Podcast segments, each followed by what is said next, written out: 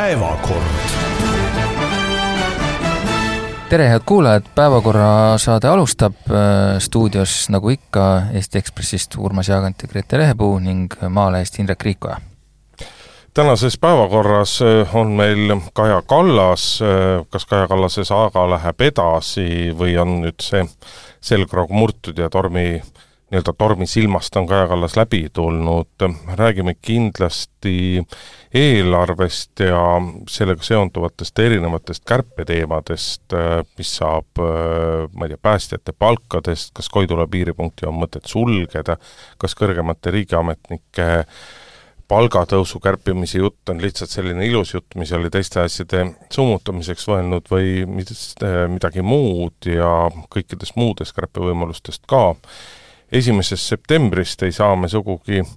üle ega ümber, sest et äh, lapsed panevad homme rasin, ranitsad selga, võtavad koolikotid äh, või vabandust, lilled ka käe otsa, nagu ma teada sain täna, siis ikkagi põhiliselt astrid, mis annavad üle kaheksakümne protsendi. täna said teada või? Äh, sellest, et on üle kaheksakümne protsendi on astrid, annavad käibes, seda ma sain täna teada aga õpetajaid on puudu, jätkuvalt on erinevates online-portaalides otsitakse kümneid ja kümneid õpetajaid üle, üle Eesti ja saate lõpetuseks räägime noh, kaudselt sellest, et kas tulevikus on neid õpetajaid ikkagi vaja, sest et eh, taas on oodata või tänavu on siis oodata sündivuse poolest eh, uut negatiivset rekordit. aga alustame siis eh, Kallase, Kaja Kallase Mm, skandaalist, mis skandaali nime sai juba vist kakskümmend viis minutit peale seda, pärast selle uudise avalikustamist, võib-olla natukene liialdada. aga mida me oleme näinud, me oleme nüüd, sellest on üle nädala veidi möödas ja äh, võib vist öelda, et kui esimene ehmatus oli päris suur, mulle tundub nagu üsna, üsna igal pool, et nii opositsioonis kui ka koalitsioonis, Reformierakonnas endas äh, Äh, ja ilmselt ka, mulle tundus, Kaja Kallase äh, enda jaoks äh, päris suur segadus, siis nüüd on nagu saadud, kõik on saanud nagu jalad põhja, mulle näib, et et Reformierakond on saanud oma sõnumid vist enam-vähem jooksma, et on selline mm, üsna kindel suund valitud, opositsioon on tegemas oma selliseid tavapäraseid käike, mm, noh, mille koht-, millest võiks ka võib-olla natuke rääkida, kui edukalt need on läinud. Äh, aga jah, et ähm, ütleme, võib-olla praeguseks tundub, et äh, selline suurem paanika on üle läinud, et äh, et kas selleks on põhjust, noh, ma ei tea, minu niisugune järeldus siit oleks see, et Reformierakond on vaadanud niimoodi, pistnud korraks pead nagu külma vette ja siis vaadanud asjaoludele peale ja leidnud, et et kui siit enam nagu midagi uut peale ei tule, siis, siis siit enam nagu siit suurt midagi äh, hullemaks ka ei lähe rahu, Urmas, rahu, Urmas, ära ole nõnda ennatlik. vaatame nüüd ikka, kuidas asjad tegelikult ma just rääkisin, kuidas kõik on rahulikud no et ei ole see ju tegelikult sugugi nii lihtne, et ainus, kes on tundnud rahulikult, on, on Eesti kakssada, kelle suust ei tule ikka mitte silpigi ega mitte sõnakestki eh, selle kohta, et, et kõik see on, kui midagi öeldakse, siis nii ümarad, kui vähegi saab. Reformierakonnal on jätkuvalt Kaja Kallast ikkagi äh, väga raske, et mitte öelda võimatu toetada, loeme kas või äh, viimases Maalehes Hanno Pevkuri intervjuud, kus ta räägib sellest, et tema haldusalas on kõik korras. aga niisugust selgesõnalist toetust Kaja Kallasele ei tule, ei tule ei hukkamõistu, aga ei tule ka toetust ja vahel on selline nii-öelda tasaolek veel märgilisem, kui kõva häälega ühte või teist asja rääkima ühe või teise asja rääkimine. sotsid on viimastel päevadel hakanud äh, päris aktiivselt rääkima sellest, et ikkagi ei ole piisavalt selgitusi jagatud ja ikkagi Kaja Kallas peaks veel selgitusi jagama. ja noh, opositsioon on opositsioon, nende ülesanne on, on täidetud ja, ja, ja kui ma vaatan seda, kuidas Kaja Kallas siin nädala alguses saatis äh, Riigikogu juhatusele kirja sellest, kuidas tema hinnangul peaksid ikkagi Riigikogu komisjonid tööd tegema ja kuidas Riigikogu peaks oma tööd korraldama, siis noh, sellega ta parlamendis endale päris kindlasti sõpru ei leia, sest et ärgem unustagem, et mitte peaminister ei ole parlamendi tööandja, vaid parlament on peaministri tööandja ja ja noh, ütleme, igas normaalses ettevõttes või asutuses, et juhatuse, juhatuse liige või, või juhatuse esimees ei lähe nõukogule, nõukogu õpetama, kuidas seda tööd peab tegema, eriti kui on selline nii-öelda, kui ta on rahulolematu mingis osas, mida, mida nõukogu teeb, et siis äh, ma küll tahaks loota, et Riigikogu juhatus saadab Kaja Kallasele äh, nii-öelda vastu, vastu meeldetuletuskirja sellest, et kes kelle tööandja on ja kes keda õpetama peaks, et et sealt Kaja Kallas ka sugugi mitte äh, endale sõpru juurde ei korja, nii et vara on veel ennustada seda, et äh, asi on rahulik, asi on rahulik. lisaks äh, noh, ei ole ju saladus, et tegelikult äh, kõikides ajalehtedes, kõikides portaalides usinad ajakirjanikud raalivad läbi andmebaase, otsivad seoseid, otsivad asju ja mina küll ei ole nii kindel, et siit rohkemat midagi välja ei tule, et selles mõttes sellele sellele skandaalile rahunemist oodata on väga vara sa vist viitasid selle mm, Riigikogust rääkides sellele mm, riigieelarve erikomisjonile, jah? et Kaja Kallas kutsuti sinna aru andma ja Kallas ütles, et tema seda teha ei kavatse, kuna ta ei näe, et see oleks selle komisjoni no seal oli kaks komisjoni, kes tegelikult enda mm -hmm. juurde kutsusid, aga ta kummagi juurde ei läinud, eks ole no,, esimese hooga. minu meelest on absoluutselt nagu poliitilisest vaatest ju arusaadav, et et Urmas Reinsalu või, või on see Mart Helme, vahet ei ole, kumb neist parasjagu seda riigieelarve komisjoni äh, juhib või kontrolli erikomisjoni juhib. Urmas nad, Reinsalu. jah, et nad ähm, Nad lihtsalt ju kasutasid seda ära opositsioonipoliitikutena, selleks, et rünnata Reformierakonda, rünnata Muidugi. Kaja Kallast. nii, aga see ei olegi võib-olla ju kõige õigem koht, et miks Kallas peakski neile kinkima lihtsalt sellise ilusa noh, ma ei tea, järgmise show on ju, mida juhtida seal ja, ja minna alandlikku nägu tegema, et ühelt poolt muidugi Kallasest oleks olnud, see oleks olnud võimalus nagu koht, kus nagu asjad ära klaarida, aga tal on neid teisi kohti ka, et miks ta, miks ta peaks nagu andmagi selle käigu lihtsalt neile? Eh, vaata sellepärast, et kui sinule ei meeldi mingisugused äh, Delfi meedia nõukogu nõukogu suunised, otsused või ettepanekud, äh, kui need sulle ei meeldi, siis sul ei ole midagi teha, aga sa pead nendega arvestama ja sa pead neid aktsepteerima, sest et nemad on nõu-, nemad on nõukogu ja sina oled töötaja, et täpselt see koht see ongi, et see juba ongi, teine asi ikkagi ju. ei, ei ole vahet mm, -hmm. see on, see on, see on tegelikult tööandja ja alluva suhe, midagi no, ei ole selles teha. mõttes, selles mõttes ikkagi ei ole, et oleme nüüd ausad, seesama opositsioon on siin äh, väga palju saaginud äh, noh, koos koalitsiooniga siis seda ähm, ajanud järgi selles äh, Riigikogu kodu- ja töökorra seaduses, mida siis keegi tegema peab, kus kohas, kuidas, mis kell ja mis järjekorras et äh, on sellel samal riigieelarve kontrolli komisjonil ette kirjutatud täpselt, mis on tema ülesanded ja selline asi äh, ikka üldse ei mahu sinna alla tegelikult. mida ma ütlen nüüd selle klausliga, et tõepoolest Kaja Kallasest võib-olla oleks olnud äh, tark esimesel võimalusel ikkagi üritada, kui vähegi kannatab, seal nagu ära käia, sest et et noh, tal, tal sellest pääsu niikuinii ei ole, et et võib-olla siis oleks jäänud lihtsalt äh, niisugune enesekindlam mulje, aga noh, kuna seal oli ka objektiivsed põhjused, ma saan aru, lihtsalt see jäi kuidagi hilja peale ja teised asjad olid ees, noh, mina ei oska hinnata, kas kas oleks pidanud mingi, midagi ringi mängima või mitte, aga selles mõttes, kui ma olen vaadanud, millega see noh, me oleme näinud ju, millega see riigieelarve, tead, ma nimetan seda Reinsalu komisjoniks, ma niikuinii nimetan seda enda jaoks kogu aeg Reinsalu komisjoniks, et aga ega sa ju midagi valesti ei ütle. jaa, et ma ütlen siis ka siin edasi Reinsalu komisjon selle kohta, et Äh, see põhjus ongi seesama, et äh, Urmas Reinsalu on seda kasutanud ka selliselt tõesti, et seal äh, on arutatud igasuguseid asju, mil, mida, mis on, ütleme, riigieelarvega seotud lisaks Urmas Reinsalu peale veel võib-olla mõne väga õrna nagu sellise ühenduslüli kaudu.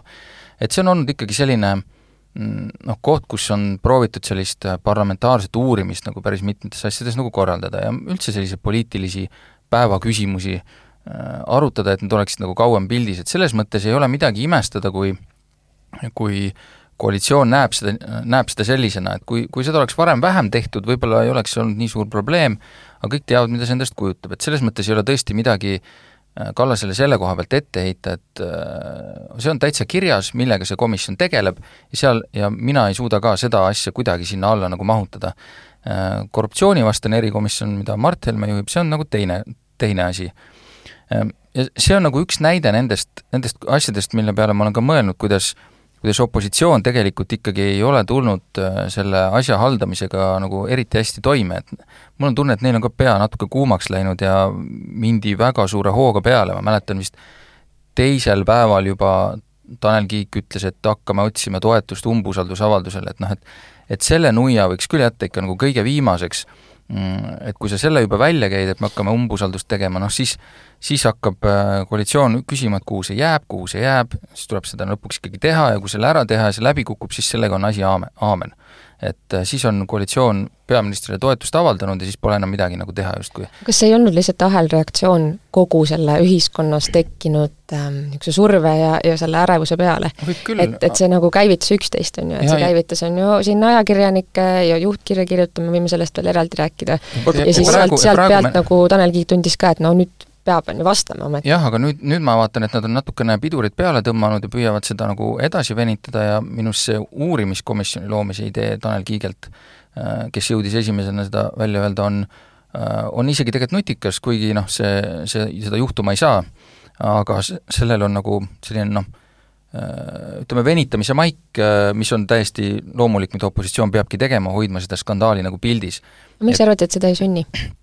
Sellepärast, et Eestis saab uurimiskomisjoni teha äh, poolthäälte enamusega ja neid hääli mina küll ei näe, et, et nad kokku saaksid. mõnedes riikides äh, saab uurimiskomisjoni teha ka äh, nii-öelda vähemus, aga Eestis mitte, nii et kui sealt koalitsioonilt mingeid hääli kuskilt juurde ei tule, siis seda uurimiskomisjoni ei sünni. et,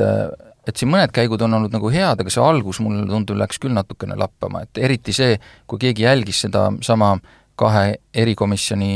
ühisistungit, siis äh, seal muidugi äh, reformierakondlased äh, tagusid sama vitsaga opositsioonipoliitikuid, venitasid selle istungit nii kaua, kuni Reinsalu oli peaaegu valmis seda juba nagu ära lõpetama, sest et sisulise aruteluni poolteist tundi polnud jõutud, noh, kas see oli Reformierakonnast ilus või mitte, noh, ilmselt ei olnud, aga polnud ka midagi teha, selles mõttes, et seal ei olnud ju Kaja Kallast kohal. et kokkuvõttes ähm, Kallas oleks võinud võib-olla seal jah, tõesti siis esi-, ära käia, et oleks saanud nagu vaevast lahti, äh, ega seal, äh, ega seal mingid küsimused äh, nagu poliitikud ütlevad, nad ootavad ammendavaid vastuseid, aga seda hetke, millal need ammendaksid opositsiooni jaoks need vastused, noh seda niikuinii kunagi ei saabu. et selles mõttes oleks saanud selle ära teha, aga ma ei näe selles põhjenduses küll probleemi, et, tõesti ma ei näe kuidagi, kuidas see riigi e-, eelarve asi oleks. Te lähete natuke nagu seda teed, et te hakkate, te hakkate rääkima sellest, et noh, mis on et mis on nagu noh, mis on aus ja mis on sisuline, et tuhat arvamust või vähemasti sada üks arvamust on parlamendis sellest, et kas tohiks äh, kas, kas tohiks need komisjonid selle asjaga tegeleda või mitte, aga see on, see on, see on osa mingi meie piiritlus peab ju olema, me ei saa nagu see on osa meie parlamentaarsest korrast, see on samamoodi nagu seesama venitamistaktika, mis kevadel toimus, et see võib meile meeldida või mitte meeldida, ja enamusele inimestele, inimestele see ju tegelikult ei meeldi, minule ka ei meeldi, aga see on osa parlamentaarsest riigikorrast ja see on osa parlamendi tööst ja sinna ei ole midagi teha. Aga see, mis sa ütlesid alguses või noh, sa viitasid sellele algusele ja peataolekule, ma arvan, et väga paljudele inimestele hakkab tegelikult nüüd nagu kohale jõudma see, et et, et milline see jahmatus ühiskonnas oli, kui see, kui, see info teatavaks tuli, et et ma, ma oleks peaministrist osanud kõike muud oodata kui seda, et tema abikaasa ajab, tema abikaasa osalusega ettevõte ajab Venemaal äri poolteist aastat pärast Ukraina sõja täiemahulise sõja algust, poolteist aastat pärast seda tema abikaasa ajab ikkagi Venemaa, Venemaal äri ja noh, eluliselt ei ole mitte kuidagi usutav see, et Kaja Kallas ei teadnud sellest mitte midagi. et Kaja Kallas andis enam kui kolmsada viiskümmend tuhat eurot oma abikaasale laenu ja ei huvitunud absoluutselt sellest, milleks seda, milleks see, seda raha kasutatakse, et no aga, aga ta on mäletame, põhjendanud praeguseks tegelikult ju, milleks seda kasutati, seda kasutati hoopis selle laohaldusettevõtte või selle warehouse'i no vaata, keeruline on nüüd selles mõttes öelda, et, et kui sa mäletad, et kui tuli, eh, kui avalikuks kunagi sai see, et Kaja Kallas on no, abikaasale laenu andnud, siis räägiti sellest, et seda raha kasutatakse nende nende, nende, neile uue kodu ehitamiseks, neil on Tallinnast mitte väga kaugel, on, on majaehitus parasjagu pooleli, et toona väideti, et selle jaoks kasut-, kasutatakse seda raha. nüüd tuleb välja, et seda raha on ikka hoopis millekski muuks kasutatud. et ega me ei tea seda, me, me, me keegi ei tea lõpuni, eks ole, seesama küsimus sellest, et kas kas see transpordiettevõte, et kas ta nüüd tegeles ikkagi ainult, ainult ühe teise ettevõtte tehase Eestisse kolimisega või mitte, et kui me vaatame, siis tehase vastupidi, tootmismahud kasvavad, käive kasvab, eks ole, ei ole kuidagi jälle keeruliselt usutav, et et muudkui käive, käive kasvab, aga, aga tehast kolitakse Eestisse tagasi, et noh, et vaata, seal on nagu nii paljusid asju, et ega me ei tea, see kõige suurem häda ongi, et me ei tea, mis osa sellest jutust kõigest on nagu tõsi ja mis sellest ei ole tõsi. jah, ja on asju ka, mida on nagu keeruline kindlaks teha, et nagu riigieelarvega öeldakse ka, et jah, riik võtab laenu, kuhu see laen läks ja, ja see raha kõik on eelarves siin üks, eks ole, me ei saa öelda, et näed, see üks euro läks kuhugi sinna ja näed, lau-, laenueuro läks nüüd täpselt sinna, eks see on ettevõtetega ka niimoodi, et noh, et äh, mingi tulu, raha tuleb sisse laenust ja siis on mingi osa võib-olla olemas ja kuhugi läheb osa ja kuhugi, osa läheb kuhugi teise kohta, et ongi keeruline. et kui vaadata nüüd äh, seda nii-öelda äh, taktikat, millega Reformierakond siis nüüd seda olukorda klaarib, siis äh, viimastes pikemates intervjuudes on väga selge, äh, kust, kust püür-, püütakse seda vahet sisse teha, et kõik küsimused, mis puudutavad neid ettevõtteid, äh, nende kohta ütleb Kaja Kallas sirgjooneliselt, mina nendega ei tegele, mina nendest ei tea, ja sellega nagu üritatakse seda nurka nagu maha võtta, nüüd seda nii-öelda eetilise või moraalse või väärtusküsimuse osas kordab Kaja Kallas seda, et et tema on oma hinnangu sellele andnud ja on selle juures, äh, millega ta siis osaliselt ju noh, kritiseerib äh, oma abikaasa tegevust, aga ei tee seda ka nagu liiga tugevalt, nagu, nagu äh, Grete siin enne ütles, et et selles mõttes äh, noh, mingisugune jah, on nagu paika saadud tõesti, ma ütlen, see jahmatus oli vist, ma olen nõus Indrek Suga, et see jahmatus oli ilmselt väga suur, et nüüd on saadud kuidagi nagu see asi asi nagu vedama, et noh, et jah, öelda, et kas see asi näiteks ei kulmineeru lõpuks ikkagi sellega, et äh, peaminister oma ametist lahkub, keeruline öelda, sellepärast et me oleme varemgi näinud olukordi, mis noh, seal vinduvad pool aastat, enne kui see äh, surve ikkagi nagu püsib selliselt, et ei ole võimalik äh, noh, ministrite puhul tuletame meelde, siis ei ole võimalik ametis jätkata, aga aga kas, kuidas siin nagu läheb, eks see noh, mingil määral sõltub tõesti, mis see, mis infot veel nagu välja tuleb, ja natukene ka nagu opositsioonist, kes ju meil teatavasti on selline, kes äh, teeb koostööd, aga tahab, tahab juba eelmisest kevadest väga näidata, kuidas nad ei tee väga koostööd, eks, et äh, eks võib-olla on see, siin ka mingeid tulemeid sellest, mm, noh, nende komisjonide osas oli näha, et äh, kui sa ütlesid, et Riigikogu võib nagu mingeid asju seal nagu uurida ja ise teavad, kuidas nad oma asju korraldavad, siis noh, vaadata, kuidas see istungi jagati nagu kahe komisjoni vahel, siis on ilm, ilmne, et Urmas Reinsalu tahtis sealt oma nagu punkti saada, selle teema nagu põhivedaja ja arutajana, kuigi seda pigem oleks pidanud arutama Mart Helme komisjon, aga kas sellest oleks rohkem asja saanud, ei tea, et ühesõnaga ongi nagu mulle tundub, et jah, mingi niisugune nagu vahe, vahefiniš on hetkel, et käib niisugune sõnumite olukorra nagu paika loksutamine, et et nüüd lihtsalt ongi küsimus, et kas me saame siis äh, mingil hetkel teada midagi uut äh, või või me peame ketrama sellesama koha peal, sellesama infoga neid samu küsimusi edasi ja edasi? oluline on seda fookust nagu paigas hoida, et ega see on ka Reformierakonna või Kaja Kallase või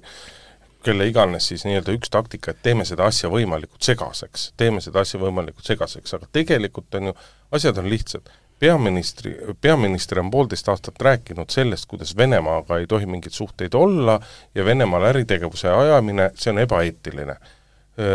Meil on välja tulnud see, et peaministri abikaasa on,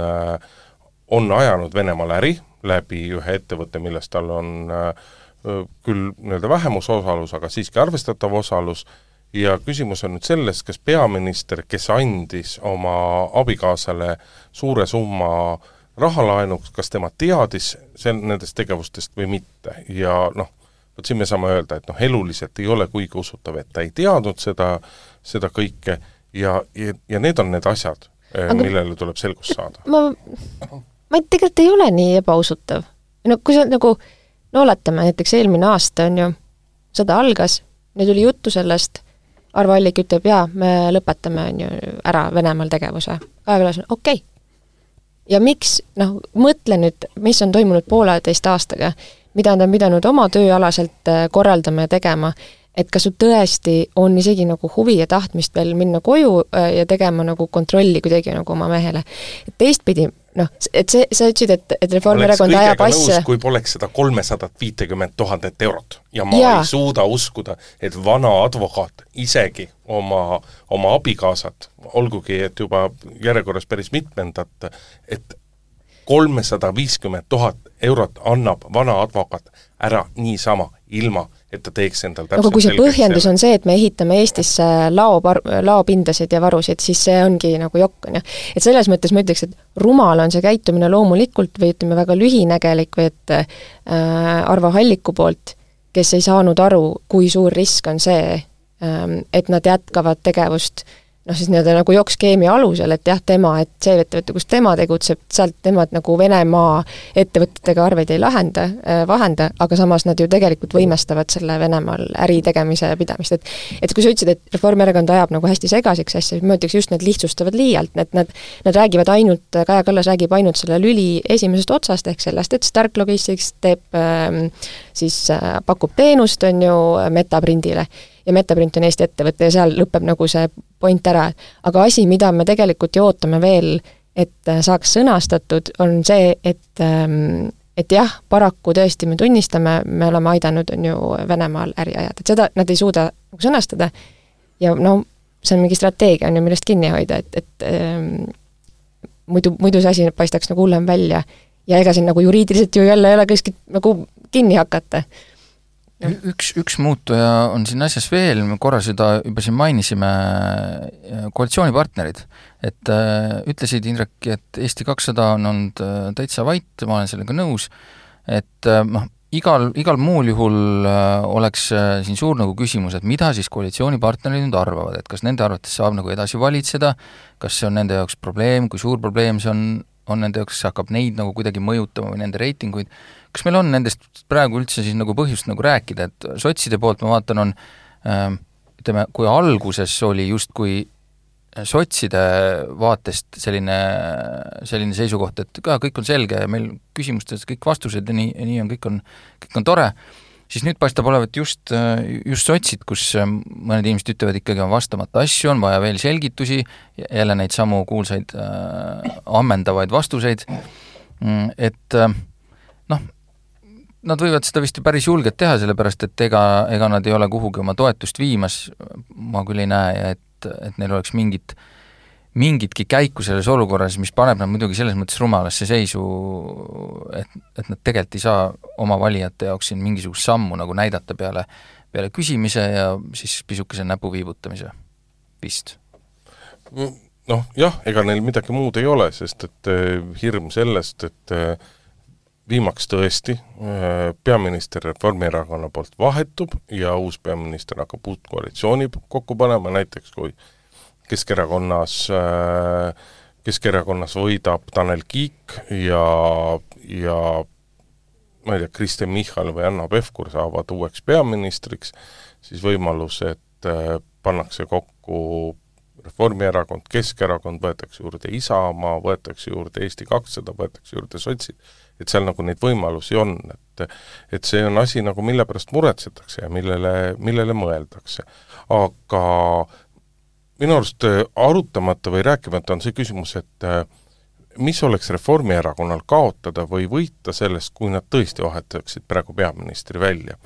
ja minule küll järjest rohkem tundub, et äh, Reformierakonnal, keda praegu nii-öelda, kellel praegu terendab ees mõningane reitingu kaotus, tõenäoliselt mitte väga suur, aga siiski mõningane,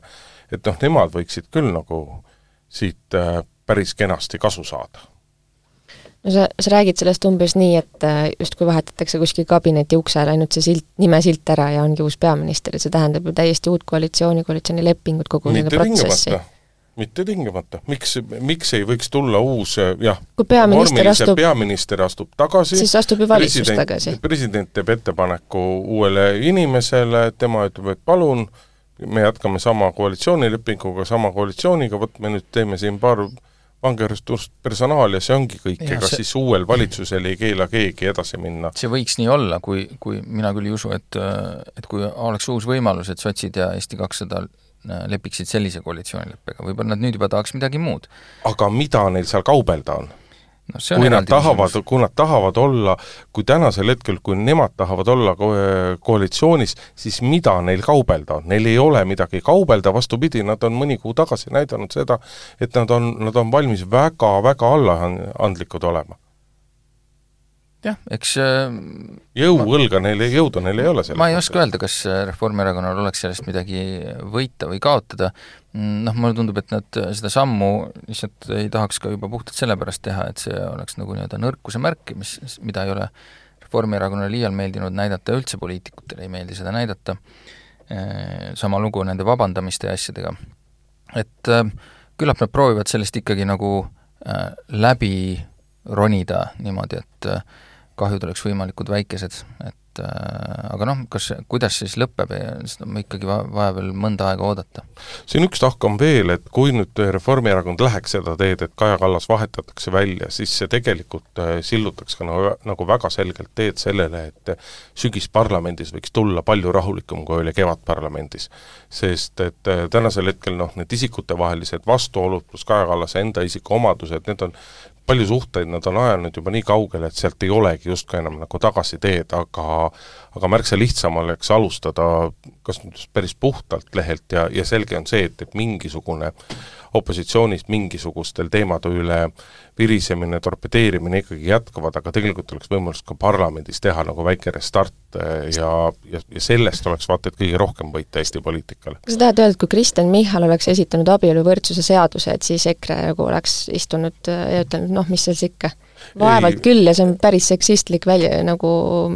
ei, ma pilt, kui nii mõelda. ei, ma ei taha öelda mitte seda, et kui, ma ei, ma ei räägi sellest, et kui oleks Kaja noh, Kallase asemel olnud eelnõud jäävad ju samaks, on ju, et- selle nagu sisuliselt jaa, ju vaata, need on ära tehtud, need on ära tehtud asjad, aga sügisel on vaja järgmiste asjadega edasi minna. kevadega on läinud need isikutevahelised vastuolud lihtsalt niivõrd suureks, et sellest, selle kivi tagant on natuke võimalik edasi saada praegusel hetkel. ma olen nõus, ma olen nõus selles seksismiga ei ole siin küll mingit pistmist. et see võiks võib-olla tõesti, võib-olla, võib-olla see tõesti võiks nagu natukene midagi rahustada äh,, aga ma lihtsalt ei näe, et äh, kuidas see võiks olla Reformierakonna jaoks nagu eesmärk, sa ütlesid ilusti, et sellest oleks Eesti poliitikale kasu.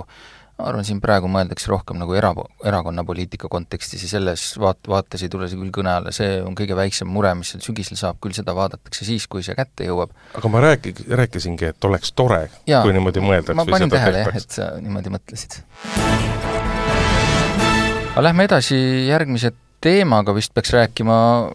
eelarvest, see on üks asi siis, mida see valitsus nüüd kõige muu kõrvalt siin äh, on pidanud äh, nii-öelda alustama, algas see protsess äh, siis Rahandusministeeriumi noh, suvise prognoosiga, nagu seda siin suve lõpus nimetatakse, mis siis näitas meile eelarve miinust tulevikku prognoosides natuke väiksemana, kui kevadel tundus, aga nüüd esimeste nii-öelda selliste ametlike eelarvekõneluste käigus on ikkagi selgunud, et noh, ühed, ühed tahavad ikkagi kärpimist ja kokkuhoidu, mida ju Reformierakond on ka nagu välja lubanud, kõrvuti siis sellega, et me jah, me tõstame nagu makse, aga teiselt poolt siis ka riik tõmbab siin-seal kulusid kokku ja kärbib dubleerimist ja vähendab seda ja toda. ja tulemus on siis see, nagu oodata võis, sotsid ütlevad, et nemad kärpimist heaks ei pea ja noh, ütleme ridade vahelt ma lugesin välja, et no justkui nad ütleksid, et nad isegi ei kavatse seda teha. Mul, mulle näib, et siin hakkab varsti tekkima see hetk, kus siis rahandusministril Reformierakonnast, Mark Võrklaeval on üsna selline noh, tõestamise hetk, et kas ta suudab siis äh, näidata seda, mida lubati, ehk siis neid äh, päriselt ka mingisugust kokkuhoidu, mis ei ole ainult selline äh, kolm viiskümmend kuskilt siit ja nelisada eurot kuskilt mujalt, et äh, see saab olema tal väga keeruline, sest et äh, nagu ta ka ise on öelnud, et mõned on siin suvel sellise nii-öelda kokkuhoiuplaani koostamisega nagu usinalt tegelenud ja mõned mitte, ma arvan, see mõned mitte viide käis just nimelt sotside pihta, kindel ei saa olla, aga noh, vaadates, mis sõnumid on, siis äh, oleksid nad esimesed kahtlusalused. et äh, mulle tundub, et siin on selline üsna tavapärane kauplemine juba käima läinud, et äh, ma eeldan, et see mõte on siis see, et no eks me võime siit natuke kärpida, kui me saame siis nagu seda ja toda. et äh, tere tulemast siis äh, Riigikogu eelarve sügisesse! eks see eelarve sügise tulemus saab olema selline, et see, mis kevadel on tehtud, see on tehtud, äh, mõned maksutõusud on otsustatud, sealt tuleb lisaraha ja eelkõige, tegelikult eelkõige lastega perede pealt eh, nii-öelda toetuste kärpimine on otsustatud, sealt eh, hoitakse raha kokku ja see, mida nüüd sügisel suudetakse läbi suruda ja ära teha, see on see, kuidas sa ütlesid, kolmsada, kolm viiskümmend ja mõnest kohast nelisada eurot, et eh, et sinna see jääb, et muud suuremat kärpimist praktikas äh, praktikas ei tule, selles lihtsalt ei suudeta kokku leppida ja, ja tänu sellele samale Kaja Kallase skandaalile ka Reformierakond ei ole ka praegusel hetkel positsioonis, kui ta saaks nagu väga jõuliselt suruda seda asja. et, äh, et noh, lihtsalt ei saa, su, su positsioon ei ole nii tugev ja mina ei ole ka päris kindel, et Mart Võrklaev on on sedamasti rahandusminister, et, et ta nüüd suudaks mingisuguseid suuri kokkuleppeid läbi suruda vot see, see suur küsimus ongi, et äh, ma arvan, et tal on selles mõttes ikkagi väga tõsine tõestamise koht selle koha pealt. et äh, ta peab kuidagi näitama, et see, millest ta on rääkinud, et ta on kogunud neid ettepanekuid ja ja see kõik on olnud selline noh, suure hooga tegemine, et, et sellel nagu mingit tulemust on, et muidu on ikkagi üsna lihtne äh, sellise noh, kergelt naerualuseks jääda, sest et äh, noh, lubatud oli. aga me oleme mõningaid asju juba näinud ka, kuigi see tabel, kus väidetavalt siis on kirjas igasugune niisugune suur hulk mingisuguseid kärpeid ja kokkuhoiuettepanekuid, mis siis peaksid äh, kuidas Võrklaev ütleski, nelja aastaga miljardi andma, äh, arvestades juba praegu tehtud otsuseid, ma ei tea, mida ta seal täpselt silmas pidas, mis äh, noh, igaks juhuks võrdluseks meie aastane kulude maht eelarves on kuskil seal seitsmeteistkümne miljardi juures.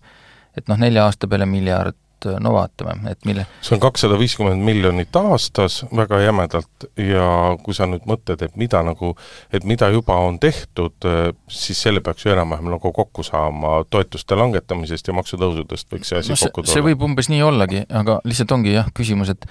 et ähm, mi-, mis seal siis nagu täpsemalt on, et huvitav, et kus siis ministeeriumid on näinud neid kohti või mis, ministrid õigemini, kus siis saaks nagu kokkuhoidu teha, aga seda meile ei avalikustada, seda tabelit, noh seda ei ole ühelgi aastal avalikustatud ja see on ka mõneti arusaadav, sest et äh, noh, muidu ei suudeta ju milleski kokku leppida, aga juba mingeid asju on lekkinud ka siin, äh, väidetavalt siis Võrklaev on teinud ettepaneku, eks ole, seal külmutada palkasid mm, riigiteenistujatel. sääst võis suurusjärgus viis miljonit eurot või? jah, aga noh, kes siis ei korja, eks ole, väikest, suurt ka kokku ei saa, eks. kolme viitekümmet et ähm, jah, võib-olla ongi see teema selles mõttes selline, kus me, mis me väga tõsiselt hetkel ei olegi nagu selles mõttes midagi rääkida, et et äh, jutt on alguses, oli ikkagi nagu väga suur, aga kas me siin näeme mingit tulemust, võib-olla, võib-olla midagi me ikkagi saame, võib-olla mingid dubleerimised siiski on leitud, kus saab midagi kokku hoida. vot mina olen mina olen äh, selle koha peal oodanud kogu aeg ikkagi, nüüd ma olen oodanud seda Eesti kahesaja sammu, sest et nemad ju lubasid, et nemad tulevad, nad teevad riigi, riigireformi, nad, nad võtavad pulkadeks lahti riigieelarve, nad teevad selgeks, kuhu raha läheb, kust on seda võimalik kokku hoida, et et kui mitte riikide, vabandust, mitte riigi osas tervikuna, siis vähemasti Eesti kahesaja ministeeriumide haldusalades peaks see kõik ju tänaseks ometigi nagu selge olema ja kõik see tuleks ära teha. Kristjan Kallas ähm, on nagu öelnud, et see tuleb, aga jaa, sa võtsid mul sõnad suust, et ma just tahtsin ka sinnani jõuda, et nagu palju suurem probleem ikkagi on on jah see, et, et mitte me ei kärbiks jälle neid tualette kuskilt maantee äärest, vaid et nagu põhimõtteliselt vaataks asjad üle ja võib-olla on ilmnenud, et see ei olegi nii lihtne teha, kui esialgu paistis. küll aga äh, Urmas, sa mainisid seda, et, Äh, sedasama dokumenti ja, ja seda põhimõtet, et, äh, et muidu ei saagi midagi nagu otsustatud, kui, kui siin kõik saavad seda dokumenti vaadata ja hakata siin oma punaste pliiatsetega ringe ümber tõmbama või jooni alla äh, tõmbama, et et Kristjan Kallasel oli sarnane positsioon, et umbes, et me ei saagi kärpeid teha, kui see on kuidagi avalik arutelu, mis on minu meelest kummaline, et äh, et selle otsuse või noh, ta sõnastas seda kuidagi niimoodi, et lõpuks see otsus peab ikkagi tulema kuskilt nagu ülevalt, justkui jõupositsioonilt, et noh, mis me siis enam enne nagu sinna ümber vahtu lööme. Sorry selleks ju avalikkus ongi, et arutada ja selle jaoks poliitikud ongi, et avalikkust kuulata, et äh, ma, ma ei näe nagu, mis siis nagu kahjud saaks olla, muidugi me näeme seda, seda Koidula piiripunkti aruteludest praegu, on ju, et, ähm, et nüüd äh, neliteist töökohta seal kohe kaob. Et noh, et see nagu tundub, see, see väikses regioonis ähm, töökindlus on niigi madal, äh, et noh, see, need neliteist kohta nüüd on nagu hästi-hästi suureks justkui paisuvad selle arutelu sees, on ju, et ma saan nagu sellest põhimõtteliselt aru, või nagu ma saan aru, mis ta tahab öelda, aga ma ei, ma ei tea, minu arust selle, sellega on see tavaline selline juhtimispraktika, et kui äh,, miks, miks sellised nii-öelda äh, Äh, avalikud arutelud tihti lähevad rappa, sellepärast et sellepärast, et seal on nii palju arvamusi, kui palju neid osalejaid ja sealt tihti ei tule nagu sellist, ei ole võimalik saada sellist konstruktiivset tulemust, sest et äh, kui kõik on nagu lahtine ja kõik, äh, ühtegi nagu nii-öelda suunda ei ole nagu ette antud, et et ähm, ma olen ka muidu ava-, väga nagu mingit avalikust, et asjad oleksid rohkem avalikud, et meil kasutataks vähem neid AK templeid, eks ole, asjade peal mm,, aga noh, ma iseenesest ei nõua, kui see, mul oleks väga rahul, kui see tabel nagu lekiks, eks ole. aga, aga mulle eh, ma saan, ma saan aru, miks nad seda ei tee, eh, miks, miks, miks seda kinni hoitakse, sest tõesti, seal võib olla mingisuguseid niisuguseid ideid, mis on noh, tõesti sellised eh, mis on kellelegi vähegi pähe tulnud ja need enamasti hakkavad elama mingit sellist oma elu, mis siis varjutavad selle päris nagu arutelu, see ajab mingid inimesed närvi Mm, need ei pruugi üldse nagu teostuda, need, mis siin, mis siin on kirja pandud, need võivad olla mingid äh, noh, sulle-mulle kauplemise osad seal lõpuks on ja mingi, lõpuks on mingi niisugune tulemus, mis mis äh, võiks olla enam-vähem mõistlik. et äh, see, see kõik läheb üsna kindlasti nagu rappa, kui, kui need kõik on avalikud, sest et inimesed lihtsalt viimasel ajal ja üldiselt ka ärrituvad väga kergesti mingite asjade peale. aga äkki siis peaminister ise otsustab, et noh, see viisteist arvamust seal laua ümber on ka natuke liiga palju või? vaata, Kristina Kallas on aru saanud sellest, et demokraatia on protsessi surm, aga tuleb leppida sellega, et see on tõesti väga halb valitsemisvorm, aga paremat ei ole, paremat ei ole leitud, et noh, see see on see, kuhu me kas te kuulsite, kuidas ma silmi pööritsin? ja endale käega vastu laupa lõid aga noh, aga, aga nii on, noh, nii on, et äh, mina panen selle vana plaadi käima, sa võid süüdistada mind vana plaadi käiamises, aga meil on tarvis riigireformi, meil on tarvis üle vaadata kõik riigi ülesanded, riigi pakutavad teenused ja meil on tarvis seal teha revisjon, mida on vaja, mida ei ole vaja teha ja siis on võimalik kuidagigi mõistlikult kärpida. sinu, sinu rõõmuks ma võin öelda, et äh, seda ettepanekut me kindlasti kuuleme järgmistel Riigikogu valimistel ja ülejärgmistel ja ka üle-ülejärgmistel. ja julgen vahele öelda, et ka mitu korda kohalike omavalitsuste valimisel ja muidu ka, kui parasjagu rääkida millestki ei ole. Kas me Koidula piiripunktist räägime pikemalt ka või? no me võime natuke rääkida, kui sa tahaksid sellest rääkida natuke rääkida. Äh, ma ei teagi, kuhu, kuhu teema alla see rohkem liigitub, et ähm, kas see on ähm, kas see on piiri küsimus ja, ja Siseministeeriumi haldusala küsimus või on see kulude kokkuhoiu küsimus või on see mm, julgeoleku, poliitilise seisukohavõtu küsimus aga, aga selline plaan justkui oli õhus ja kui ma lugesin, lugesin esialgu Postimehest seda uudist, et see arutelu käib Rahandusministeeriumi Siseministeeriumi vahel ja, ja sealt mulle jäi mulje, justkui Siseministeerium on teinud nagu mingisuguse sellise noh, võib-olla see ongi see, Urmas, millele sa ennist viitasid, see, et noh, no võib-olla sealt saaks nagu viiskümmend milkut kokku hoida, et noh, paneme selle ka lauda, on ju, selle no, nagu mõttena. nüüd me siis räägime, eks? nüüd me siis räägime, jah. Et Siseministeerium pakkus selle justkui välja, Mart Võrklaev Rahandusministeeriumist ütleb, et no täitsa nagu mõttel on jumet ja siis Lauri Läänemets, kes on sellesama Siseministeeriumi juht ju, järsku nüüd ütleb, et oot-oot-oot, sõbrad, tõmbame nüüd pidurit ja nii nüüd, nüüd ka nagu ei saa. ja viimane info siis nüüd ongi, et see piiripunkt ikkagi ei suleta, küll aga korraldatakse siis seal kuidagi tööd ümber ehm,. Ma ei tea, seal Koidula piiripunkti lähedal on veel Luhamaa piiripunkt ja siis natuke edasi on veel see väikene, väiksem niisugune Saatse piiripunkt ja muidu Saatses äh, just sel kevadel ähm, tehti ka ümberkorraldus ja seal on nagu automaatikana, sa saad, kui sa oled jalakäija, jala lähed üle piiri, sa saad automaatikaga skännida oma selle passi ja kõik protseduurid ähm, lähevadki ilma, et seal oleks väga suuri halduskulusid sellel punktil. kas Vene poolel ka või ähm,? Jah, vot nagu suur konks ja, ja, ja kitsaskoht ongi see, et sul peab olema see, see biomeetriline pass. aga Vene poole pealt saad ka üle niimoodi ikka. või Vene? ikka, noh jah, et kui sul on see õige pass, siis sa saad, mina saan küll aru, et mõlemat pidi saab, äh, kui sa tuled, no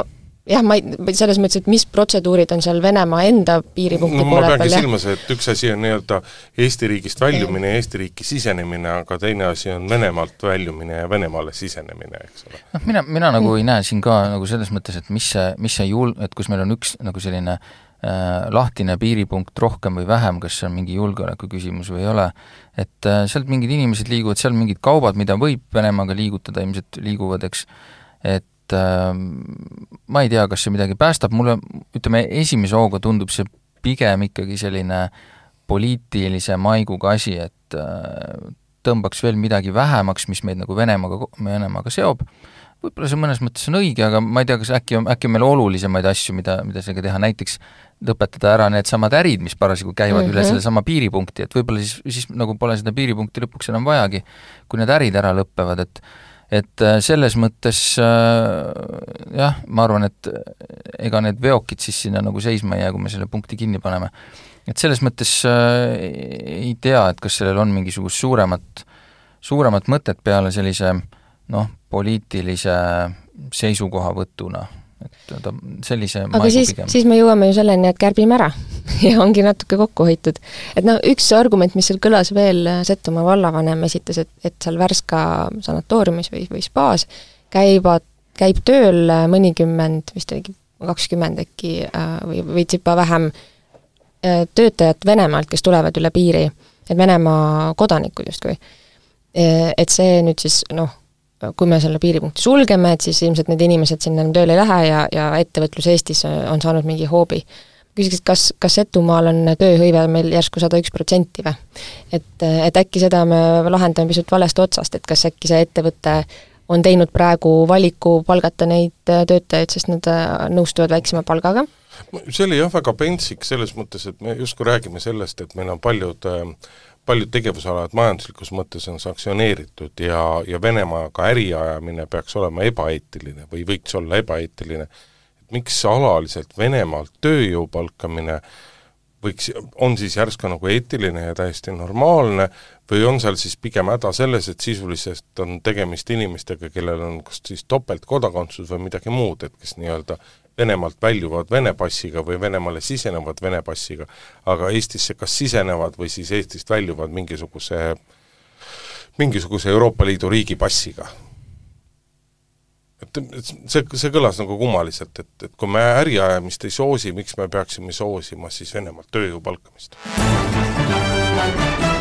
Läheme võib-olla siis äh, selle juurde, mis siis nüüd äh, võib-olla hetkeks on kõige suurem teema, siis äh, kool algab, äh, lapsed lähevad kooli oh. ja äh, äh, ost-, ostetud on suur hulk kilegaasi äh, ning äh, tuleb hakata jälle õppetööga tegelema, no oh. meil on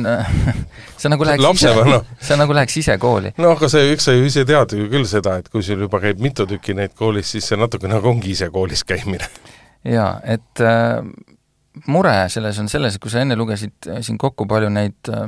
astreid siis viiakse, noh, mure on nagu see, et mõned astrid vist jäävad üle andmata, sellepärast et õpetajaid lihtsalt on nagu vähe. ja kui, kui mulle tundus siin veel mõni nädal tagasi, et noh, eks võib-olla mõned koolid on võib-olla jätnud natuke viimasele minutile, pole nagu sellega, äh, pole seda suutnud ära lahendada, küllap jõuab, siis paistab, et vist ei jõuagi. et see probleem, see ikka peaks näitama selle probleemi äh, Äh, suurust äh, ikka nagu päris selgelt, et kui me oleme sellises olukorras, kus kus ikkagi viimastel päevadel ei, ei ole õpetajaid ja nagu kuulda on olnud, siis on siin äh, noh, direktorid leiutanud ka igasugu viise, kuidas kuidas leida inimesi, kes leia-, oleksid võimelised leidma inimesi, kes tuleksid kooli õpetama, et et ta, muidugi on tekkinud siin ka küsimus sellest, et see kvalifikatsioon, et kas sellises olukorras ikkagi noh, juba viimasel hetkel võetakse inimesi ka, kes tegelikult võib-olla, võib-olla oma kvalifikatsiooni järgi ei sobi kooli õpetama või võib-olla just äh, saavad võimaluse noh, et kui ainult oleks, et ma arvan, et see on üks tõsisemaid probleeme, mis meil tegelikult praegu peaks püsti olema, sest et äh, sellist asja tõesti ei mäletagi, et oleks äh, nii laialt üleval see küsimus äh, õpetajate hulgast. võib-olla lihtsalt me ei ole sellest varem nii palju rääkinud. Äh, see detail, millele sa viitasid, on siis Ehte Humanitaargümnaasiumi direktor, on lubanud, et kes leiab talle eesti keele õpetaja, siis ta kingib spaapaketi selle eest sellele, sellele õpetaja leidjale. igaks juhuks siis ma saan aru, et oma, oma raha eest täitsa, mitte, mitte ei kasuta selleks kooliraha ma, ma ei tea, kuidas siin, kas sinu lapsed kasutavad seal, on neil stuudiumid või mis need erinevad netirakendused on, meil lastekoolis on ka kohe nimi ei tule meelde, mis selle iganes ei, see ei ole e-kool. stuudium võib küll olla, jah. võib-olla ta on, no ühesõnaga mm, -hmm. aga millest ma rääkima tahtsin, on hoopis see, et kui sa võtad, eks ole, iga päev selle lapsevanemana lahti, siis seal kõige muu hulgas tuleb nii-öelda esimese asjana näidatakse, et milliseid õpetajaid asendad, kes asendab sellel päeval millist õpetajat. ja noh, vahel see, see nimekiri on ikka ikka noh, vaata, et täidab mobiilil tead esimese ekraani ära, sellepärast et noh, üks asi, sul on õpetajaid puudu mõni õpetaja jääb haigeks, mõnel on vaja, mõni peab vahepeal ka puhkusel käima, mõnel jääb laps veel haiget, et, et see malemäng, mis käib koolis, koolis õppealajuhatajatel ja direktoritel, et see on ikkagi päris pinev ja me siin ennem saadetki vaatasime, et nelikümmend seitse õpetaja töökohta läks jah, kohe. jah, oli näiteks Exivi Online'is üleval parasjagu, et kohe kui kvalifikatsioonist vastad, siis kohe mine tööle üle kogu Eesti, et see, et see probleem on väga suur ja kui me, ja samal ajal, kui me kuulame nüüd siis siin riigieelarve arutelu, räägime sellest, et tohutult on vaja kärpida, samas on teada, et õpetajate palgad on, nagu nad on, kuigi nad ei ole enam mitte kõige kehvemad, aga võiks kindlasti tublisti suuremad olla, aga noh, selline asi kindlasti ei tekita noortes inimestes seda tunnet, et et, et läheks kõigepealt õpiks õpetajaks ja siis läheks päriselt kooli tööle ka mulle väga sümpatiseeris ähm, arvamusavaldus, mille kirjutas äh, lapsevanem, kelle nimi on Hasso Tepper ja me avaldasime Ekspressis selle arvamuse paar nädalat tagasi. Ja, ja ta juhtis tähelepanu sellele, et ähm,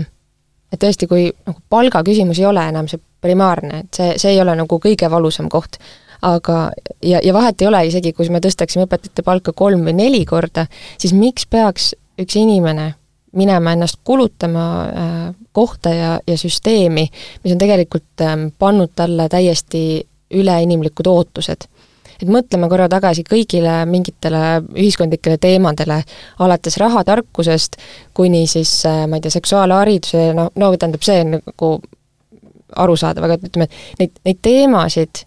äh, mida oodatakse koolilt Äh, mida peaks kuidagi inimeseks olemise juurde õpetama või selleks, et kuidas olla nagu hea inimene, hea kodanik, tark ja, ja, ja oskuslik, äh, neid on nii palju ja et, et, ähm, et see ongi ebamõistlik, ebamõistlik koormus ja ebamõistlik suhtumine ka päris paljudelt lapsevanematelt, et nad tahavad lükata selle mudilase sinna esimesel septembril seitsmeaastasena uksest sisse ja siis toimub seal mustas kastis nimega kool igasugu imetegusid, millest lapsevanem nagu justkui ei peakski väga palju osa võtma, sest noh, pedagoogid ju oskavad ja siis tuleb neile välja ideaalne inimene, no ei saa nii olla. ma, ma ütleks isegi tegelikult äh, seda, et päris suur hulk lapsevanemaid leiab ka, et, et nad peaksid väga väga jõuliselt osa võtma sellest kooli korraldusest, üldiselt ma, ma nimetaksin seda protsessi vist nagu teenuseks muutumiseks või, või midagi mm, sellist mm. -hmm. et ma nagu näen selliseid märke, et, et seda kooli võetakse nagu sellise teenusena, võib-olla see on meie ühiskonna enda viga, et me näiteks, ma ei tea, noh, äh, patsiente nimetame kohati nagu klientideks ja muud sellist, et me nagu kujutame seda kõike ette sellise teenusena ja kui see, kui see on nagu teenus, siis ta muutub natukene teistsuguseks. Äh, et äh, siis, siis on ootused kuidagi teistsugused ja mulle tundub, et siis tekib ka mingi niisugune tunne, et sul on mm, õigus seal nagu jalgu trampida võib-olla rohkem, kui kui sa muidu seda teeksid, et äh, ma ei arva, et see oleks ka õige. aga, aga mulle, mulle millegipärast on tekkinud viimasel niisugune tunne, et et me näeme selliseks teenuseks muutumist ja ma ei tea, kas see on hea, mulle pigem tundub, et see ei ole hea mis seab, mis võib-olla seabki siis ka nagu õpetajatele väga äh, just need sinu kirjeldatud väga kõrged äh, ootused, sest et kes ei tahaks saada, eks ole, kvaliteetset teenust? jah, on see kool siis, on see kool haridusasutus või on ta niisugune hoiu- ja hooldeasutus, et ma siin esimeses-teises klassis võin sellest aru saada, et toimib väikest viisi ka nagu niisuguse hoiuasutusena. Aga sealt edasi peaks ikkagi kool olema puhtalt haridusasutus. Ja ei saa olla niimoodi, et äh, õpilastel on väga palju õigusi, aga õpetajatel selle eest väga vähe õigusi, aga paraku on paljud meie õpetajad sellega kimpus, et et nad on väga mitmetes asjades käsisjalust seotud, nad peavad olema tohutult mõistvad, nad peavad tohutult palju vastu tulema, nad peavad tohutult palju laskma töid järel teha ja nii edasi, ehk see nii-öelda vastutuse pool õpilaste kaob, kaelast kaob ära, aga vot see on, see on nüüd asi, kus riik saaks tegelikult õpetajatele appi tulla, ilma et ta peaks lisaraha eraldama, aga ta nii-öelda seda, just seda õiguste ja kohustuste vahekorda saaks riik koolis muuta aga sellest liha, lisarahast ikkagi nagu see, see ei ole see asi, mis aitab. et aitab see, kui sul on, ähm, kui sul on väiksem töökoormus lihtsalt, noh kas või ma ei tea, kui sul on eri mm, eritähelepanu vajavad lapsed klassis, et kas sul on võimalus abiõpetajat sinna kutsuda või või kui suur see klass üldse on, keda sa pead seal karjatama sisuliselt. on komplekt sel... kõigist nendest asjadest. jah, ja sel sügisel äh, päris paljud õpetajad peavad mõtlema sellele, kuidas äh, Ukraina äh, sõjapõgenikest lapsi hoida ka, et, et, et ühest poolt neile anda seda akadeemilist tarkust, on ju, ja teiselt poolt siis äh, kuidagi ka neid toetada ja, ja nende jaoks olemas olla. mis ei tähenda kõik muidugi seda, et õpetajad ei saaks omalt poolt ka rohkem teha, olla kaasaegsemad ja kõik seda, et kindlasti on ka hulk asju, mida õpetajad saavad teha selle jaoks, et lastel koolis paremini paremini läheks, aga aga noh, ütleme, ma, ma ei kujuta ette, kuidas nii-öelda näiteks haridus, keskmises koolis hakatakse täiendavalt kulusid kokku hoidma. kuule, aga äkki üks, äh, ma pakuks välja mingi, ühe lahenduse. Äh, koroona, koroona ajal, no ma pakuks lahenduse vähemalt äh, õpetajate puuduse leevendamiseks, et koroona ajal oli tegelikult katse, et mismoodi saaks ähm, videoõpet näiteks pakkuda ja minu meelest oli nii, et Tallinnas noh, a la reaalgümnaasiumi õpetaja, füüsikaõpetaja tegi videoloengu, mida siis näidati vastavalt vajadusele mis iganes koolis üle Eesti, kes, kes, kellel parasjagu oli tarvis. ma ei, ma ei näe põhjust, miks seda ei võiks rohkem proovida. et äh, kui meil on, äh, maal on pro-, puudu keemia- ja füüsikaõpetajaid, et siis selle nagu selgituse ja asja äh, teha hoopis video teel, näiteks see saab olla hädatapp, aga siiski kõik on näidanud selle, kõik on näidanud seda, et et see pikk distantsõpe koroona ajal, et sellest ikkagi sisuliselt kasu tõusis minimaalselt, aga kahju väga palju, sest et see on asi, millest räägivad kõik õpetajad, et et lüngad on sees, et noorte teadmistes on jaa, aga ma ei räägi distantsõppest ju klassis, ma räägin seda, et äh, kui sul on nädalas üks tund keemiat, kus sul ei ole õpetajat, siis selle asemel, et äh, nendele õpilastele jääks nagu mingisugune lünk sisse, mida nad peavad, äh, mis on nende jaoks hiljem kahju järgmisel aastal juba, et, et äkki siis noh, sellega saaks leevendada, on ju, et nad on seal klassis ikkagi koos, nad peavad suhtlema, nad peavad nagu tegema ja, ja see sotsiaalsus jääb ju alles, lihtsalt õpetaja noh, see hetk on ju, ta ei saa tulla näpuga sulle näitama, aga, aga ta saaks sulle ikkagi juhendada. ja, ja neid ne,, keemia ja füüsika on ju juba nagu põhikooli teises astmes, kus on täitsa nagu mõistlikud inimesed seal pingis istumas. aga ega see on paratamatus, selleni on vaja jõuda, et me räägime siin ju praegugi Metsküla koolist ja kõigist teistest väikekoolidest, et äh, praktikas väga pikalt ei ole lihtsalt võimalik äh, võimalik hoida neid väikseid koole elus, sellepärast et, et sa ei leia sinna nagu õpetajat. sa ei leia lihtsalt sinna õpetajaid ja ja sellistes kohtades tuleb mingite selliste innovatiivsete lahendustega, neid tuleb rakendada, aga, aga noh, nende peale ei saa koolisüsteemi üles ehitada ja haridust üles ehitada aga saate lõpetuseks räägime tegelikult kaude sellest, et eh, kas me üldse peaksime nende koolikohtade ja õpetajate ja kõige pärast eh, muretsema, sellepärast et kui vaadata tänavusi sündivusnumbreid, siis need on eh, pehmelt öeldes masendavad ja me selgelt ootab meid uus, uus rekord sündide vähesuse poolest rekord ees. nojah, mis siis ikka no, et noh, no ju, no ju, noh, selles mõttes, et äh, see eel, eelmise ja. teema osas ma olekski lõpetuseks peaaegu tahtnud öelda, et meie lihtsalt suur häda on see, et meid on nii vähe. et äh, ja noh, eks, eks ilmselt numbrid seda siis ka näitavad, no meil on siin spetsiaalsed erakonnad, kes, eks ole, selle teemaga püüavad tegeleda, mina ei tea, miks nad teevad seda nii, nagu nad teevad, äh, ja ei leia selleks nagu kuidagi noh, mõistlikumaid viise. kas aga... probleem on see, et on, meil on üksikud, et mitte öelda üks erakond, kes selle teemaga tegeleb ja tegeleb vähe, tegeleb võib-olla siis valede, valesid meetodeid kasutades või on meie probleem selles, et kõik ülejäänud erakonnad justkui ei paista sellele tähele, teemale üldse tähelepanu pööravat? noh, pigem on see suurem probleem ikkagi see viimane jah, et et kui, kui ühed meetodid on ühesugused, siis võiks olla ka keegi, kes, kes näiteks tegeleb selle teemaga kuidagi mingite teiste meetodite abil, aga jah, paraku ei ole, et ähm, aga ma olen selle teema peale muidugi ka pikemalt mõelnud ja ma ei ole jõudnud sellise noh, tulemuseni, et kas, kas me, mida me saaksime nagu sinna üldse nagu parata, kui me, kui me oleme selline äh, lääne ühiskond, mis saab juba omadega nagu väga hästi hakkama, kus inimestel on äh, väga palju võimalusi, et äh, kuidas sellega nagu võistelda, ma arvan, et seda ei olegi nagu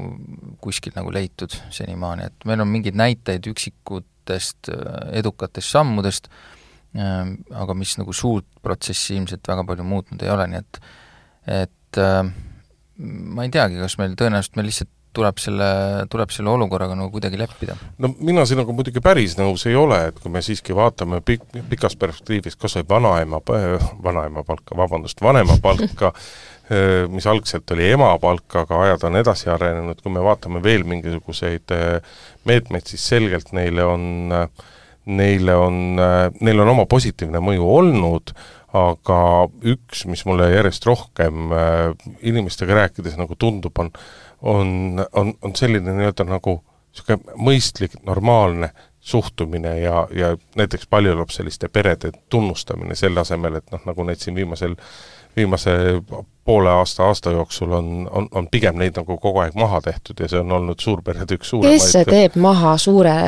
suure, suurt perekonda? Mis sa seletad? mitte ei... keegi ei ütle, et paljulapselised pered on nõmedad, ma ei ea alles kuulnud niisugust asja. ma ei ole sinuga üldse nõus, kui sa nüüd siin meenutad neid kevadisi jutte sellest, et kuidas on vaja, mida teha lastetoetustega ja kõige sellega, siis vastupidi, ühiskonnas hakkas järjest rohkem, hakkas kuidagi tekkima selline ja, ja oli üksikuid, kes ju ka välja ütlesid, et, et umbes suured pered ongi parasiidid, kes teevad toetuste pärast lapsi ja nii edasi, et seda, seda oli väga seda, palju see, see, mida sa, see, mida sa sa praegu kirjeldad, ongi seesama meetodi viga, mida ma enne ütlesin. jah, just. ja ega ma tahtsin, ega ma ei tahtnudki sinu juttu ümber lükata. et, et sellise, sellise suhtumiseni viibki lihtsalt see, mismoodi seda poliitikat on aetud, äh, see, see, kuidas, kuidas seda tehakse, on primitiivne ja osasid inimesi selgesti ärritav, äh, mis toob omakorda kaasa selle, et see suhtumine kandub üle nendele inimestele, kes selles kuidagi süüdi ei ole et äh, see, see, seda ma pidasingi täpselt silmas äh, selle nii-öelda valede meetodite all, aga noh, me ka paraku oleme olukorras, kus äh, noh, praegu ainult need meetodid on, sest et keegi teine see teemaga väga ei tegele, kuigi sõnades rõhutatakse, kui oluline see kõik on. sest et see on, ma tean, et see on nagu hästi küüniline, aga aga ühel riigil on, on pikas perspektiivis mõtet ja, ja elušanssu ainult juhul, kui ta rahvastiku arv kas on kergest tõusus või minimaalselt ei muutu, pigem ta võiks ikkagi pisut rohkem nii-öelda nagu kasvada. ja sellel teel on ainult kaks võimalust, et eh, kas see tuleb laste arvelt või see tuleb inimeste sissetoomise arvelt. Ja ja, ja see põhimõte vist või arusaamine vist Eesti riigis on, et et keegi ei toeta pigem seda versiooni, et, et me toome nagu rahvast sisse ja selle arvelt kasvatame oma rahvaarvu, kasvatame tööealist elanikkonda, maksutulusid ja kõike seda et seda nagu ei toeta, et selles mõttes selle kõigega tuleb tegeleda, aga aga praegusel hetkel väga selgelt kogu see pool on nagu niisugune vaeslapse osas ja sellega ei tegeleta. jah mm,, ma võib-olla seda nagu maailma lõpu tonaalsust siin pisut pehmendaks, ähm, et ähm, mõni nädal tagasi, kahekümne esimesel augustil on äh, Tartu Ülikooli statistik Ene-Margit Tiit kirjutanud Postimehes väga hea selge arvamuse, mille pealkiri on Kas on veel rohtu, mis avitaks, miks sünnib Eestis vähe lapsi? ja ta tegelikult põhiliselt vastas sellele, sellele küsimusele, et, et mis peaks olema siis see nagu näiteks äh, keskmine laste hulk äh, ühe naise kohta, et, et Eesti siis jääks püsima ja kestma ja ära ei sureks. ja, ja et, et see taju on justkui selline, et see, see tohutult nagu robinal kukub ja hästi palju on äh, lastetuid naisi Eestis või ütleme, et see et see, see sündimuskordaja on, on kuidagi väga halvas seisus. ta ütleb, et äh, tegelikult ei ole üldse nii, lihtsalt praeguse selle ühiskonna arenemisega see esmasünnitajate vanus äh, muutub kõrgemaks. Ja sealt statistilised arvutused, kui sa teed, siis jah, see nagu nihkub, on ju, et pikas plaanis ei ole näha, et Eesti oleks kuskile auku kukkunud, vaid lihtsalt me peame natukene võib-olla ära kannatama selle nagu nende nagu põlvkondade nihke või, või sellise nagu mm, jah, demograafilise lihtsalt äh, nojah, vaata see tekitab, see tekitab mingisuguse augu sisse, sest et tahtmata nüüd minna seda libedale teele, kus niisugune keskealine, kergelt ülekaaluline meesterahvas õpetab nagu naisterahvaid elama, siis samas noh. Aga, aga õpeta siis mehi ka, et sa ei et, pea naisi ainult õpetama elama, et, et minu teada bioloogiast on mõnda aega möödas küll tunni, koolis käimisest, aga ikka läheb kahte inimest vaja ei, absoluutselt läheb ja, ja kahtlemata võiks olla, võiks olla isad oluliselt kohusetundlikumad, kui nad on ja ja tegelikult on suhteliselt noh, ma olen ise, ise näinud, kui lapsed lähevad esimesse klassi või, või ükskõik, mis klassis nad käivad ja kui sa kuulad, et kui palju on kui palju käib klassis neid lapsi, kellel kellel on vanemad lahku läinud või, või kellel on kärgpere, siis need, need osakaalud on päris suured, aga aga see, mis sa ütlesid, et see esmasünnitaja vanus äh,, esmasünnitaja vanus tõuseb, see on, see on tõsi, aga mi-, mida kõrgem on esmasünnitaja vanus, seda väiksem on tõenäosus, et tulevad teine või kolmas laps. tahaks viidet su väitele see on su arvamus, see, see, see, sul ei ole fakti. selle, selle bioloogiaga ja, ja kõige muuga. aga noh, selgelt meil on probleem ja, ja riigi tasandil on sellega vaja tegeleda, mitte ma ütleks jah, probleem on tegelikult jah, poliitika ajamises, et, et ma ei, ma ei tea, kuidas nüüd siis seda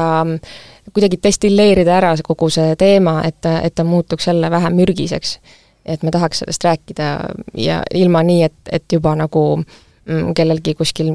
on silme ees konstantselt nagu Isamaa erakonna silt nojah, selle tõdemusega tõmbame vist tänase saate otsad kokku, Grete Lõhepuu.